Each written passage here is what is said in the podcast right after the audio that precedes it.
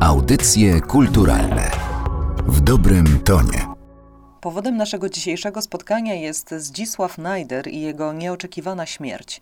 Historyk literatury i znawca twórczości Józefa Konrada, a właściwie Józefa Konrada Korzeniowskiego, odszedł 15 lutego 2021 roku. Będziemy go wspominać razem z Andrzejem Mietkowskim, dziennikarzem, tłumaczem i publicystą, który był paryskim korespondentem radia Wolna Europa, gdy Zdzisław Najder był dyrektorem polskiej sekcji tego radia. Ja nazywam się Katarzyna Oklińska. Dzień dobry Państwu i dzień dobry Panu. Dzień dobry. Zacznijmy od wspomnień, bo blisko współpracował Pan ze Zdzisławem Najderem w Radiu Wolna Europa i pewnie Panów losy krzyżowały się również później. To ja powiem tak, że nasze losy skrzyżowały się też wcześniej i nasza współpraca, choć bezpośrednio o sobie nie wiedzieliśmy. A było to w drugiej połowie lat 70. Zdzisław Najder o czym ja nie wiedziałem, że to on był współtwórcą podziemnego polskiego porozumienia niepodległościowego. To był taki, dzisiaj byśmy powiedzieli, think tank, który zbierał najtęższe głowy z zakresu politologii, socjologii, sowietologii trochę. I w drugim obiegu, czyli w podziemnych wydawnictwach, ten think tank publikował swoje opracowania a potem zbiór tych opracowań ukazał się też w Paryżu w Instytucie Literackim u Jerzego Giedroycia. A ja wtedy byłem studentem w Krakowie, ale równocześnie współkierowałem podziemnym wydawnictwem i myśmy te opracowania PPN-u publikowali. Pamiętam doskonale w 80 roku, tuż przed wiosennymi wyborami, wydrukowaliśmy opracowanie Po co partii potrzebna jest partia. Już sam tytuł nam się bardzo podobał. Bezpieka dostała wtedy kompletnego szału i uznali, że to tekst, nie wiem, godzący w samą istotę ówczesnego reżimu i rzeczywiście dokładali wszelkich starań, aby nam te nakłady pozabierać. Potem dopiero dowiedziałem się, że PPN to Zdzisław Najder. Potem też dowiedziałem się, że publikujący z wyraźnym znawstwem spraw krajowych publicysta paryskiej kultury, socjusz, to też Zdzisław Najder. A już na samym końcu spotkaliśmy się twarzą w twarz przy okazji Wolnej Europy. Współpracowałem z radiem z Paryża jako jeden z korespondentów paryskich, a Zdzisław Najder od 1982 roku, kilka miesięcy po stanie wojennym, został dyrektorem rozgłośni polskiej RWE. Został nim z polecenia dwóch ważnych postaci: Jana Nowaka-Jeziorańskiego, pierwszego dyrektora RWE i założyciela, można powiedzieć, polskiej redakcji, oraz Jerzego Giedroycia, wspomnianego już redaktora paryskiej kultury. Oni dwaj uznali, że Zdzisław Najder, który w tym czasie w momencie wprowadzenia stanu wojennego znajdował się na zachodzie, że Zdzisław Najder to jest bardzo dobra kandydatura. Jeszcze do relacji Zdzisława Najdera z Jerzym Giedroyciem wrócimy, ale na razie chciałabym zostać przy tym roku 83, bo życie Zdzisława Najdera to gotowy scenariusz na film. Oprócz miłości do literatury charakteryzowało go również zaangażowanie polityczne w takim sensie, że zależało mu na losach kraju który to kraj bywał dla niego okrutny. Mam tutaj na myśli choćby skazanie na karę śmierci i pozbawienie polskiego obywatelstwa, gdy został szefem polskiej sekcji Radia Wolna Europa. No ja to traktuję jako takie podrygi bezsilności reżimu. Tych kar wyroków śmierci było wtedy więcej. No, przypomnę, że na wieść o stanie wojennym wybrali wolność, czyli zdecydowali się pozostać na zachodzie dwaj ambasadorowie RP, jeden w Waszyngtonie, drugi w Tokio.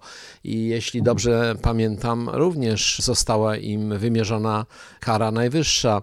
Zdzisław Najder nie został skazany za wolną Europę, tylko za rzekomą współpracę z wywiadem amerykańskim w Polsce jeszcze przed wyjazdem. Władza epatowała opinię publiczną jakimiś szczegółami skrytek w domu Zdzisława Najdera. No jakieś bzdury moim zdaniem kompletne. Ale to wtedy zrobiło wrażenie na emigracji i no, z jednej strony rozmawiałem z ówczesnym szefem ochrony Radia Wolna Europa, Richardem Cummingsem, który mówi, że oni też to potraktowali serio i Najder otrzymał wzmocnioną wtedy obstawę, zwłaszcza, że Wolna Europa miała już doświadczenia rumuńskich i bułgarskich operacji specjalnych na terenie RWE, łącznie z próbą wysadzenia stacji wiosną 81 roku przez komando Carlosa. No więc nie można było tych gruźb kompletnie ignorować. Dla pracowników wolnej Europy, no to też jakoś działało na wyobraźnię, prawda? Nasz szef z wyrokiem śmierci. Hmm. To, o czym chciałabym e, wspomnieć i powrócić, bo już pan wywołał ten temat, to relacja Zdzisława Najdera z Jerzym Giedroyciem, działaczem emigracyjnym, twórcą i redaktorem paryskiej kultury. Narodowe Centrum Kultury wydało swego czasu listy obu intelektualistów z niemal 30 lat ich korespondencji od 1957 do 1985 roku, to tak naprawdę epistolarna opowieść o Europie w czasach, w których piszą ci panowie. Pan również jest elementem tej części historii. W latach 80. bywał pan w Maison Lafitte pod Paryżem i współpracował z Jerzym Giedroyciem. Znalazłam nawet w internecie zdjęcie Jerzego Giedroycia i Stefana Kisielewskiego z 81 roku, zrobione przez pana właśnie. Wszystko, co pani mówi, jest prawdą i tylko prawdą. Tak, popełniłem takie zdjęcie w roku 80 lub 81. Uznane zostało za cenne, rzadkie, ponieważ obaj panowie, w tym redaktor Giedroć, się na nim uśmiechają, a to e, Jerzemu Giedroyciowi nie zdarzało się często. Tak, ta korespondencja, no to jest bardzo ciekawe. Tak jak wszelkie publikacje listów Jerzego Giedroycia, przez niego pisanych i do niego pisanych, już kilkanaście, tak się zawahałem, czy nie kilkadziesiąt tomów się ukazało. Ten z Najderem bardzo ciekawy. No, redaktor w pewnym momencie wiązał z Najderem wielkie nadzieje i przyznając mu w latach 80. nagrodę za publicystykę, nagrodę kultury, opatrzył to takim komentarzem, że liczy na to, że Najder zostanie następcą Juliusza Mieroszewskiego. Przypomnę, no to było pierwsze pióro polityczne paryskiej kultury i autor nieodżałowany przez Giedroycia najważniejszych komentarzy i najważniejszych stanowisk politycznych, jakie wyrażała kultura i stanowisk, jakie zajmowała. Więc to nobilitacja dla Najdera ogromna, takie oczekiwanie z ust Jerzego Giedroycia. Artykuły publikowane jako socjusz były bardzo wysoko pozycjonowane, jeśli można tak powiedzieć, w kulturze paryskiej to nie były przyczynki, to były ważne stanowiska. Trzeba też powiedzieć, że Jerzy Giedroyć bardzo sobie cenił osoby z Polski, które mógł traktować jako źródła informacji i na pewno Zdzisław Najder był taką osobą. On często podróżował na zachód jako konradysta, jako wykładowca zagranicznych uczelni w Ameryce, w Wielkiej Brytanii. I ja wiem, że Giedroyć cenił sobie jego punkt widzenia i informacje, jakie za jego pośrednictwem docierały. Najder był związany z klubem inteligencji katolickiej, blisko zaprzyjaźnionym z Herbertem, blisko zaprzyjaźnionym z Janem Olszewskim, wtedy mecenasem, a późniejszym premierem, więc był dobrym źródłem informacji dla Jerzego Giedroycia. Ale trzeba powiedzieć, że od chwili, gdy został dyrektorem rozgłośni Polskiej Wolnej Europy, te stosunki się mocno ochłodziły. To była reguła, że w zasadzie każdy dyrektor rozgłośni polskiej RWE zaczynał mieć na bakier z Giedroyciem, bo Giedroyć miał oczekiwania, że RWE będzie realizować jego plan, jego myśl, że będzie w ścisłej koordynacji. Tak się nie działo ani za Nowaka Jeziorańskiego, ani za Zygmunta Michałowskiego, ani za Zdzisława Najdera, ani za później Marka Łatyńskiego, więc to była naturalna kolej rzeczy. Te stosunki się ochłodziły. Oczywiście, czym innym były relacje osobiste, a czym innym misja, którą obaj panowie odczuwali, a mianowicie i jeden i drugi uważali, że najważniejszy jest kraj, więc chłodne stosunki między nimi nie przeszkadzały Najderowi umieszczać w zasadzie wszystkie ważne materiały, przegląd kultury paryskiej comiesięczny na antenie Radia Wolna Europa, dostarczać redaktorowi Giedroyciowi tony materiałów docierających wtedy z Polski, lat stanu wojennego, te wszystkie bibuły, te wszystkie docierające z kraju ulotki, no to wszystko fruwało pomiędzy Monachium a Maison Lafitte pod Paryżem w obie strony. Stosunki się jeszcze bardziej ochłodziły, gdy na prośbę Zdzisława Najdera do Maison Lafitte udał się z misją przeprowadzenia wielkiego wywiadu z redaktorem Jerzy Kaniewicz. Ten wywiad został przeprowadzony i ten wywiad nigdy nie został wyemitowany ponieważ redaktor Najder, redaktor naczelny stacji, uznał, że wypowiadane bardzo krytycznie pod adresem struktur Solidarności, pod adresem Kościoła, Watykanu opinie Jerzego Giedroycia no, nie mieszczą się chyba w linii programowej stacji. Ale Jerzy Giedroyć po latach przyznał, że też wolałby, żeby ten wywiad się nie ukazywał. No, Jerzy Giedroyć miał dar dyplomatycznych sformułowań.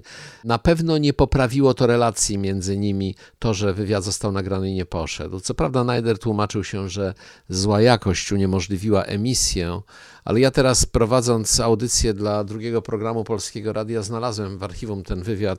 No, nagranie jest bez zarzutu i zostało wyemitowane w odcinkach w Polskim Radiu obecnie. Więc inne były przyczyny rzeczywiste, dlaczego to się nie pojawiło na antenie. Listy Zdzisława Najdera i Jerzego Giedroycia, o których wspominamy, to kopalnia wiedzy. Współpracował pan z oboma panami i w Radiu Wolna Europa i w Maison Lafitte. Przyglądał się pan temu, jak radio kształtowało opinię publiczną, a jednocześnie widział pan, jak rezonuje kultura Jerzego Giedroycia i jeździł pan pod Paryż do Maison Lafitte. Dzisiaj pewnie wiele spraw wygląda inaczej i z łatwością oceniamy je, znając wydarzenia lat 80. i 90., ale pomijając konflikty, które wydaje mi się, że możemy nazwać drobnymi, szefowanie polskiej sekcji Radia Wolna Europa przez Zdzisława Najdera według wielu przyczyniło się do utrwalenia wysokiego poziomu programów. Jak pan, jako osoba wewnątrz tego świata, ale już dzisiaj z pewnym dystansem do tego, co się wydarzyło kilkadziesiąt lat temu, teraz na to patrzy? To jest trudne pytanie, dlatego że próbuję oddzielić osobiste emocje od no, rzeczywiście jakiegoś bezstronnego z dystansu tylu lat spojrzenia. Jedni mówili, że Zdzisław Najder wiele wniósł do rozgłośni polskiej RWE, świeżość języka polskiego, który w ustach starych pracowników no, brzmiał archaicznie, lepsze rozumienie pewnych aspektów krajowych, a inni twierdzą, że to był koniec tej legendarnej wolnej Europy, że ona się rozwodniła w jakimś sensie poprzez napływ dużej liczby osób, którzy swoje szlify radiowe i telewizyjne zdobywali w PRL-owskich mediach i to nie mogło nie przenosić się w jakiejś mierze do wolnej Europy. Trzeba też powiedzieć, że Najder był osobą trudną, pełnym sprzeczności i ta trudność przełożyła się na zarządzanie również bardzo trudnym i licznym zespołem. Tam doszło do bardzo wielu konfliktów.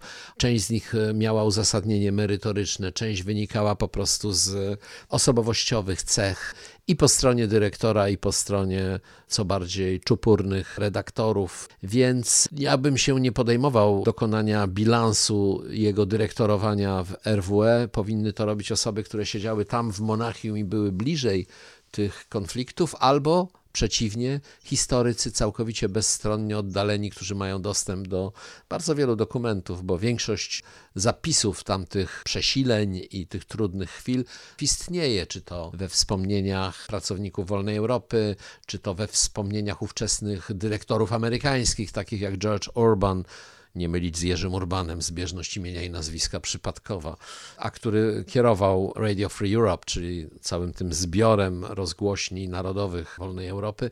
Ja z perspektywy czasu cenię sobie spotkanie zawodowe ze Zdzisławem Najderem, choć dla pełnego obrazu muszę powiedzieć, że moje rozstanie z Wolną Europą też było za dyrektora Najdera, nie wchodząc już tutaj w niuanse i detale ale uważam, że przyczynił się znacząco dla sprawy polskiej.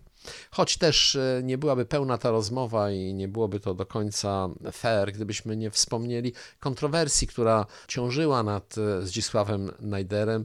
Ujawnienie na początku lat 90. jego kontaktów ze służbą bezpieczeństwa z wczesnych lat 60. odsunęło go od polityki. Z pozycji doradcy premiera Olszewskiego wycofał się. Z całą pewnością był tutaj przedmiotem gry politycznej, która się wtedy rozgrywała. Ktoś ujawnił teczki, ktoś zagrał innymi teczkami. Sprawa e, Zdzisława Najdera, pseudonim Zapalniczka, stała się sprawą publiczną.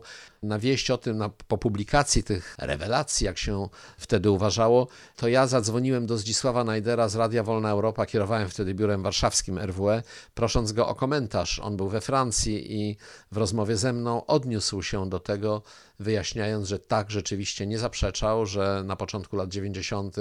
prowadził swoją własną grę z Służbą Bezpieczeństwa i przedstawił pewną interpretację tej gry. Po kilku latach historycy Paweł Machcewicz i Andrzej Paczkowski podważyli tę interpretację Najdera, mówili, że to nie była do końca jego gra, tylko że to była raczej gra informacje za paszport. Najderowi bardzo wtedy zależało na swojej karierze naukowej, na pracy naukowej na zachodnich uczelniach i że te kontakty miały być częścią gry mającej mu umożliwić i zajmowanie się Konradem. Tropy pozostały w każdym razie i można zagłębiać się w te dokumenty, ale odejdźmy od świata polityki i historii, przejdźmy do świata literatury, a konkretnie do Józefa Konrada, któremu swoje zawodowe życie poświęcił Zdzisław Najder.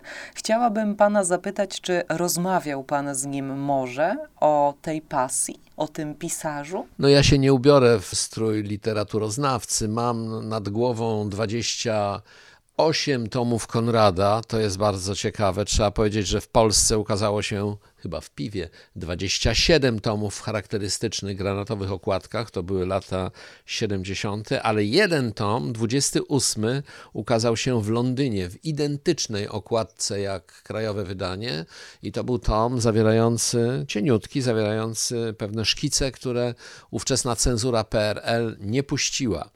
Najder był autorem e, biografii Konrada, która jest chyba referencyjna na całym świecie i ma zasięg światowy, liczba tłumaczeń, nie podejmuje się ich ocenić. Rozmawiałem z e, Najderem przy okazji jego nagrań o śmierci syna Konrada w Wielkiej Brytanii. Tak, ja wtedy powiedziałem mu, jak wielkie znaczenie miała sama postać Konrada i to, co pisał dla młodych niepokornych, którzy w latach 70. zaczynali swoje opozycyjne knucia.